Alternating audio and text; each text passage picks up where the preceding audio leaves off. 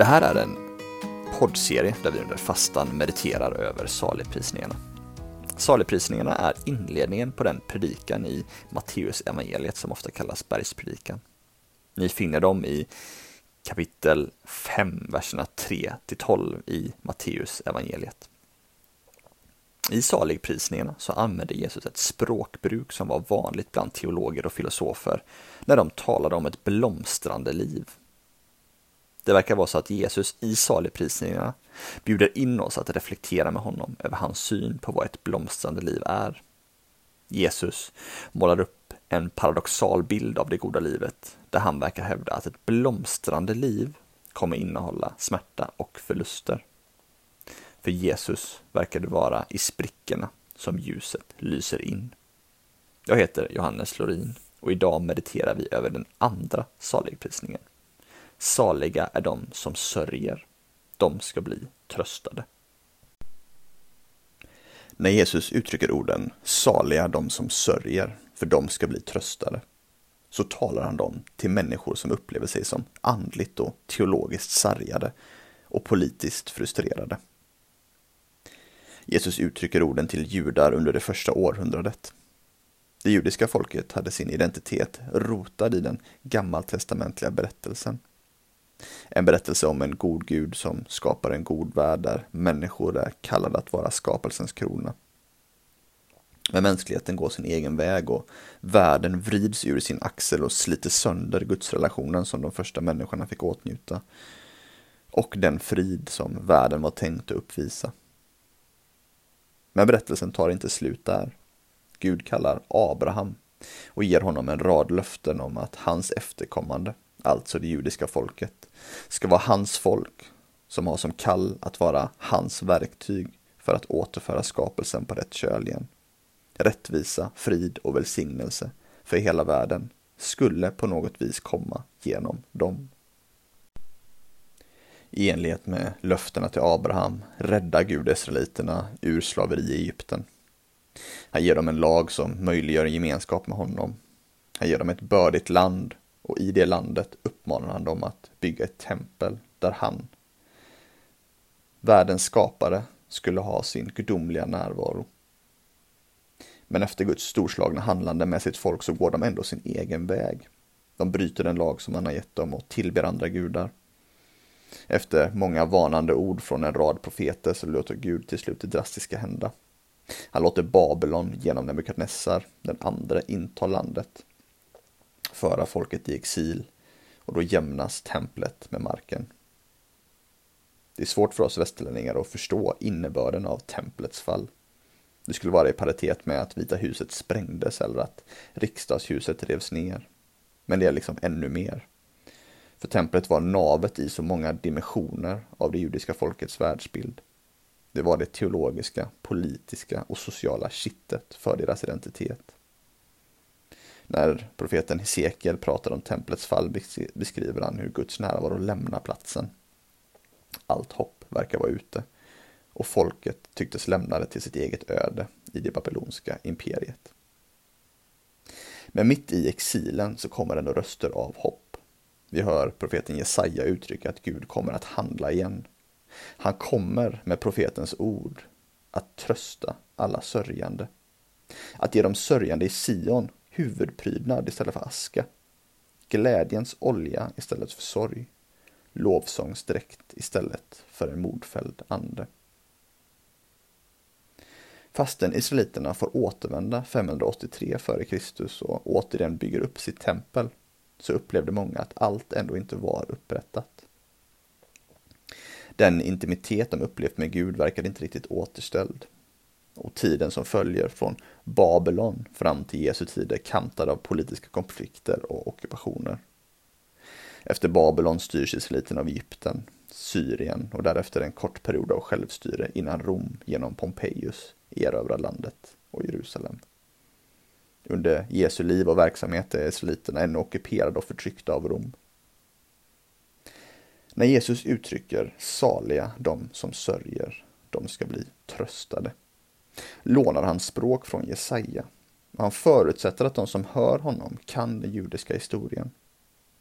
I enlighet med det så verkar den sorg som Jesus skattar salig, den som har, bestå i en sorg över världens och landets beskaffenhet. Det verkar vara en sorg över nationens sargade tillstånd under ockupationsmakten Rom. En sorg över insikten att nationen, kollektivt och individuellt, själva hade ett ansvar i allt detta. Samt en upplevelse av andlig och politisk exil. En sorg i tvivlen gällande om och när Gud på nytt skulle agera för dem. Kort sagt var det en sorg över att världen, från deras perspektiv, verkade vara ur led. Saligheten Jesus pratar om i ljuset av detta är en salighet för att Gud utlovar tröst. Gud skulle återigen komma att agera i och för sin värld. Hans närvaro skulle återvända. Han skulle komma med tröst. Men allt detta skulle ske på sätt som sprängde alla kategorier och förväntningar. Vi kommer komma tillbaka till det. Om Jesu ord är inspirerade av den bibliska berättelsen i allmänhet och profeten Jesajas ord i exilen i synnerhet och uttalade i en så specifik situation som den romerska ockupationen kan hans ord då säga något till oss? Jag tror det. Jag tror denna saligprisning är en inbjudan till att förstå våra liv i enlighet med den bibliska berättelsen. Om vi gör det tillåts vi förstå och förhålla oss till våra och världens sorger på ett hoppfullt sätt. Och vi bjuds in till att söka tröst hos en Gud som bär och delar våra sorger. Fastän de flesta av oss inte befinner sig i en exil eller bokstavlig ockupation så är det min uppfattning att många av oss ändå bär på en sorg och en intuition om att världen inte är som den borde vara. Fastän vi inte klär den intuitionen i en teologisk språkdräkt. Vi känner på ett emotionellt och intuitivt plan att världen inte är som den borde vara. Vi känner det när nazister demonstrerar i USA och i Sverige. När vi hör nyheter från den ena skolskjutningen efter den andra. När terrorister spränger sig själva i Bagdad eller Bryssel. När permafrosten på Svalbard tinar. När miljoner människor är på flykt och vi stänger våra gränser. När tusentals människor försvinner in i trafficking och tvingas till avhumaniserande beteenden när ett barn dör bort från morden som nyss fött henne. När flickor i Nigeria kidnappas för att de går i skolan. När pandemin inte släpper sitt grepp. När en oförklarlig ångest eller depressivitet tar över oss och vi inte kan sluta gråta eller känna hopp om mening. När någon tar på oss på ovälkomna sätt på spårvagnen eller kallar oss för saker som ingen borde bli kallad för. Eller när vi grips av vår egen moraliska brustenhet. Då känner vi intuitivt att världen inte är som den borde vara. Vi upplever en typ av främlingskap, en typ av exil och sorg gentemot världen vi lever i. Så fastän vi inte lever under samma politiska förtryck som det judiska folket som Jesus adresserar, kan våra reaktioner av världen vara liknande. Hur ska vi förhålla oss till och tolka våra sorger? Finns det hopp och tröst? Finns det hopp om salighet? Den Harvard-baserade svenska rockstjärnan till filosof Martin Hägglund argumenterar i sin bok This Life att risken att förlora det och dem vi älskar inte bara är en ofrånkomlig del i våra liv utan även det som gör våra liv meningsfulla. Det faktum att våra liv kommer ta slut, att vi kan drabbas av ondska, orättvisa och att det vi älskar kan gå förlorat är en förutsättning för mening enligt Hägglund. Det är själva risken för förlust som gör att vi uppfattar vår tid på jorden som meningsfull. I sitt sommarprat från 2020 som behandlar samma tema som hans bok återkommer han flera gånger till vikten av att fästa våra blickar mitt i det som gör ont. Han berättar rörande om när hans svåger allt för tidigt gick bort i cancer och om hur hans syster ändå vågade se och ta in mitt i sorgen han berättar även om hur han möter sin farmor i vetskap om att det kan bli deras sista möte. Om det säger han så här. Det gör så ont att fästa blicken. Det gör så ont att hålla blicken fast. Men jag vill inte släppa den smärtan. För jag vet att det är i ögonblicken som allt står på spel. Det är i ögonblicken som allting kan vara och allting går förlorat. Hägglund beskriver rörande om hur risk, smärta och sorg faktiskt kan berika oss genom att påminna oss om att allt det vi har faktiskt kan gå förlorat. Och därigenom manar han oss att fästa vår blick på det vackra medan vi ännu har det i full medvetenhet om dess skörhet. För Hägglund så verkar det finnas en salighet i form av mening. I att våga fästa vår blick i våra sorger. Men för Hägglund finns ingen slutgiltig tröst. Och allt hopp om en sån är för honom bara en missriktad illusion. Hägglund närmar sig vårt predikament som människor från ett ateistiskt perspektiv och i enlighet med det så uppmuntrar han oss att heroiskt våga möta vår smärta fastän vi vet att allt det vi kämpar för och älskar förr eller senare kommer gå om intet och tas ifrån oss. Det finns ingen fast mening där utanför oss själva. Vi kommer från slump, är utvecklade genom urval baserat på hur vi lyckas klara oss bättre än våra konkurrerande arter i vår förmåga att fortplanta oss. Och en dag kommer solen att sluta lysa över alla våra projekt och universum kommer eka tomt och öde. Jag beundrar Hägglund hans mod att ändå våga fästa sin blick. Men jag är inte lika modig själv. När jag ställs inför världens sorger är det skönare att fly än att fästa min blick. Jag bedövar mig hellre genom att stänga in mig i min lägenhet, att se på Netflix, scrolla på Instagram eller genom att låta mig föras bort i mina drömmar om att bo i den perfekta distansen mellan stad och hav som bostadsprospekten framför mig bjuder in till. Men en så bekväm avdomning är inte vad det innebär att fästa blicken. Det är inte heller ett tillstånd som Jesus skattar saligt. Han skattar salig den som vågar ta in världen och sig själva, det vackra med det destruktiva och vågar känna, sörja och gråta med. Men varifrån får vi modet att göra det? En som på vissa sätt närmar sig våra sorger på ett liknande sätt som Hägglund är pastorn Thomas Sjödin.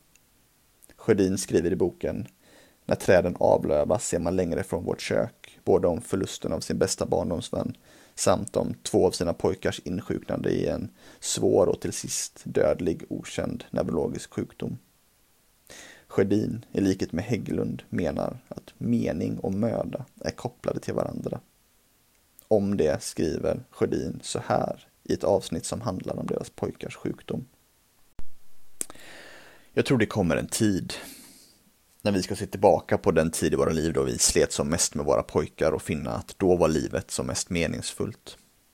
För möda har med kärlek att göra, att kämpa för någon man älskar. Och utan den kampen finns bara tomhet, gapande, gastkramande tomhet när våra ryggar verkar efter att ha lyft barn som borde klara sig själva, klätt sig själva och gått på toaletten själva, är det också ett slags delaktighet i deras liv. Våra kroppar vet av deras oförmåga. Och det är inte enbart av ondo. Det är en kärlekens verk. Det finns någonting i det som påminner om idrottsmannens trötthet efter ett hårt träningspass. Musklerna verkar, men inte förgäves. Hägglund och Sjödin menar från olika perspektiv, i likhet med Jesus, att det kan finnas en salighet i sorg. Det finns dyrköpt mening att utvinna ur våra livs mörker om vi, som Hägglund uppmuntrar oss, vågar fästa våra blickar. Och sorgen kan, med Thomas Sjödins ord, leda till att vi ser längre från vårt fönster när träden avlövas. Men för Sjödin så finns det tröst. Vi är inte ensamma i våra sorger. I dem kan vi möta en person långt starkare än vi som både kan dela, trösta och bära våra sorger. Och en som lovar att slutgiltigt torka våra tårar. Sjödin som förstår sig enligt den kristna berättelsen där Gud faktiskt kommer hur mörkt det än ter sig, att komma med ljus. Han tror på en slutgiltig tröst. På så vis är modet att fästa våra blickar kopplat till den tröst som utlovas. Till skillnad från Hägglund kan vi säga att det som gör det möjligt att på riktigt älska det som kommer tas ifrån oss här på jorden, trots den smärtsamma vetskapen om att den kärleken kommer tas ifrån oss, är löftet om att vi fullt ut kommer bli tröstade. Och till skillnad från Hägglund tillåts vi tolka världens ondska som något onaturligt som letat sig in i en en gång harmonisk värld. Från ett kristet perspektiv är den intuitiva sorg över världens beskaffenhet som vi ibland upplever en viskning från en värld som gått förlorad, men som en dag ska återvända. Det innebär att den smärtfulla råhet som ibland ofta möter oss inte är den enda eller slutgiltiga historien om skapelsen. Ett sådant perspektiv möjliggör att vi kan se på världens ondska som en ovälkommen parasit i en värld som var ämnad för fred och harmoni. Men också på något som i slutändan kommer att övervinnas. Det perspektivet är vidare inget blint önsketänkande utan är rotat i en faktisk historisk person. Vi började dagens avsnitt med att prata om det judiska folkets frustrerade situation. Vi nämnde att en tröst som de lovades var en tröst om att Gud skulle agera på nytt, men på ett oväntat sätt. De hade väntat sig en krigande messiansk figur som skulle störta romarna och återbygga templet där Guds närvaro skulle hålla till. Men Guds hopp och tröst kom istället i en skepnad som de inte väntade sig. Det kom i form av en Gud som väljer att dela vårt predikament och våran sorg genom sin personliga närvaro. Det är i relation till honom, han som är crescendot i den bibliska berättelsen, som vi kan förstå världens fasor. Och det är genom honom som vi erbjuds en tröst som ingen kan ta ifrån oss. När vi tolkar världens sorger i relation till honom kan vi se dem i ett nytt ljus och få en försmak på världens slutgiltiga upprättelse. I honom ser vi Gud själv ta mänsklig form. När vi ser honom i evangelierna och genom Bibelns blad ser vi en Gud som upprättar trasiga människor i en fallen värld. Vi ser en Gud som stillar stormar. Vi ser en Gud som tar på spetälska och helar dem. Vi ser en Gud som äter och dricker med utstötta. Vi möter en Gud som förlåter oss det vi gjort fel. Vi möter en Gud som genom sin uppståndelse ger oss en försmak på världens slutgiltiga förnyelse. Jesus uppenbarar en Gud som aktivt och reservationslöst deltar i världen. I Nya Testamentet så beskrivs det hur Gud i form av Jesus så djupt identifierar sig med oss att han väljer att bli ett skrikande barn i Betlehem, i armarna på en nervös och rädd tonårsflicka. Jesus tvingas på flykt, han hungrar, han blir sviken av sina vänner. Och ultimat sett väljer han att träda in i vår själva destruktivitet och sorg och ta den på sig. Teologen Jörgen Moltmann uttrycker det så här. Om Gud vill visa sig för oss måste han visa sig själv som en som lider och tar på sig vad vi kallar smärta och förlust. Detta är hans del. Från evighet har han valt detta. Följer man den tanken att Kristi historiska person uppenbarar Guds eviga passion, då är kärlekens självoffer Guds eviga väsen. Det finns ingen definition av det gudomligas väsen som kan bortse från detta. Kärlekens offer är inte heller bara en reaktion på människans synd. Det är inte heller ett fritt viljebeslut av Gud i den betydelsen att han hade kunnat underlåta att göra det. Ty Kristi kors är ingen historisk tillfällighet som kunde hända eller inte hända. Gud är inget annat än kärlek och Golgata är den oundvikliga uppenbarelsen av hans väsen i en ondskan och lidandets värld. En så djup identifikation ger tröst. När vi vågar sörja hos Jesus lovar han att ge oss tröst. Och inte nog med det, utan han ger oss tröst som en som på alla sätt förstår, sympatiserar med och deltar i våran sorg. Hans kropp känner våra sorger. Om vi vågar förstå vår intuitiva sorg i relation till Jesus tillåts vi att ta in världens sorger i vetskap om att världen kommer att ställas till rätta. Jesus bjuder in oss att ärligt se världen och att uppriktigt sörja över den. Den sorg som Jesus skattar salig den som har är en sorg över världens beskaffenhet som fylld av smärta.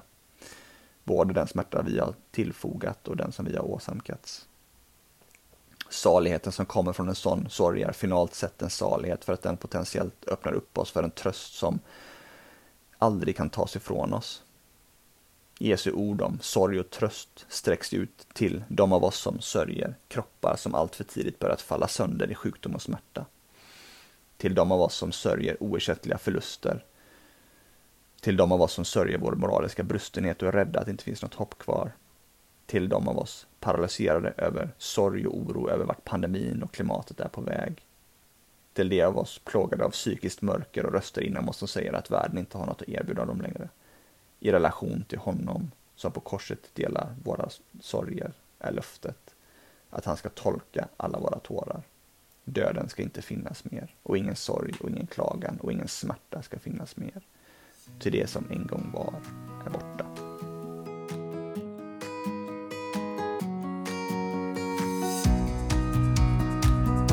Den här podden produceras av Saronkyrkan i Göteborg.